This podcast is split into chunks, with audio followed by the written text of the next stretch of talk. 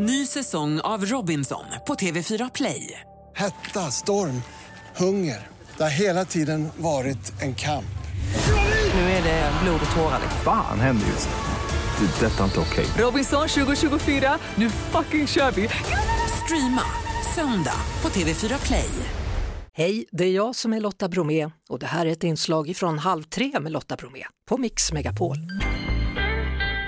Vi ska prata om gårdagens val. Tommy Möller är professor i statsvetenskap vid Stockholms universitet. Välkommen till Halv tre. Tack så mycket. Ska vi börja med det här pratet om valpåverkan när den här vallokalsundersökningen släpptes innan vallokalerna var stängda. Vad tänker du kring det? Eh, jag tyckte kanske det var ett lite märkligt beslut.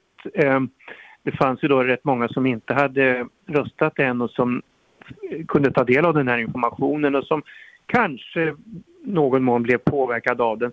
Jag tror kanske inte problemet var jätte, att det var jättemånga som, som blev som, som ändrade uppfattning när de stod där i kön men, men jag tycker nog kanske att det var ett misstag. Ja, kan det leda till att valet går om? Nej.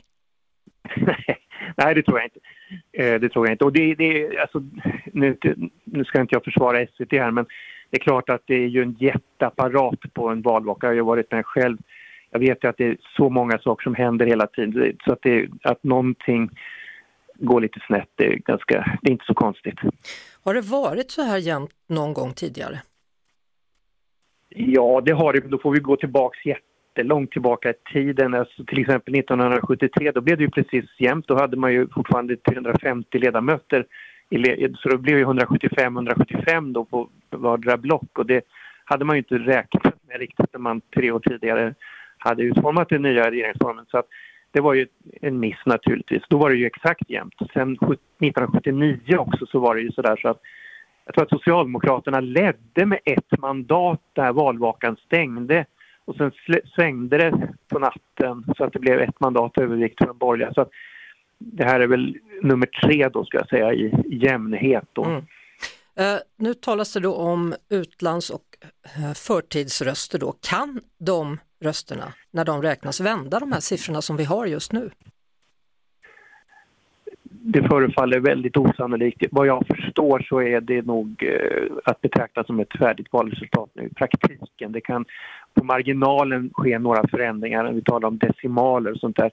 Men det ska till ganska mycket för att Alltså det är en sak är att de, de rödgröna då får betydligt fler röster men det ska också räcka till att tippa över mandaten, ett mandat till och det är vad jag förstår en bit dit då. Mm. Så att det, det förefaller som att det, det, vi har ett valresultat. Eh, bland alla partier då som deltog i gårdagens val så hittar man partiet Nyans som har plockat väljare i vissa delar av olika städer. Då. Hur står de sig mot etablerade partier? Är du förvånad över att de har fått så många röster? Alltså jag ska ärligt säga att jag har inte alls eh, eh, satt mig in särskilt mycket i, i, i nyans och jag är ju bara så, annat än att jag har följt medierapportering och så. Och jag är väl inte särskilt förvånad över de här framgångarna för det får man ju ändå säga att det är.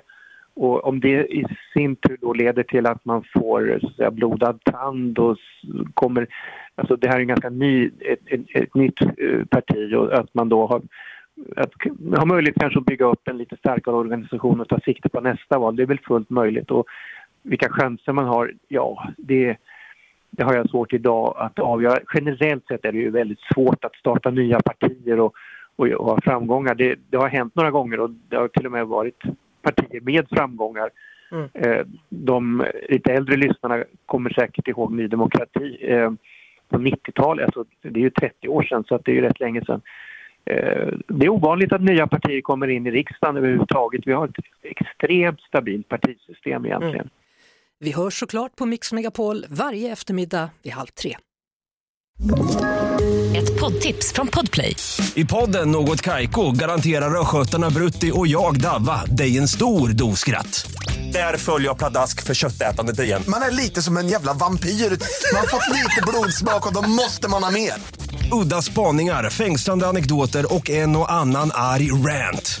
Jag måste ha mitt kaffe på morgonen för annars är jag ingen trevlig människa. Då är du ingen trevlig människa, punkt. Något kajko, hör du på podplay. Därför är gardinerna.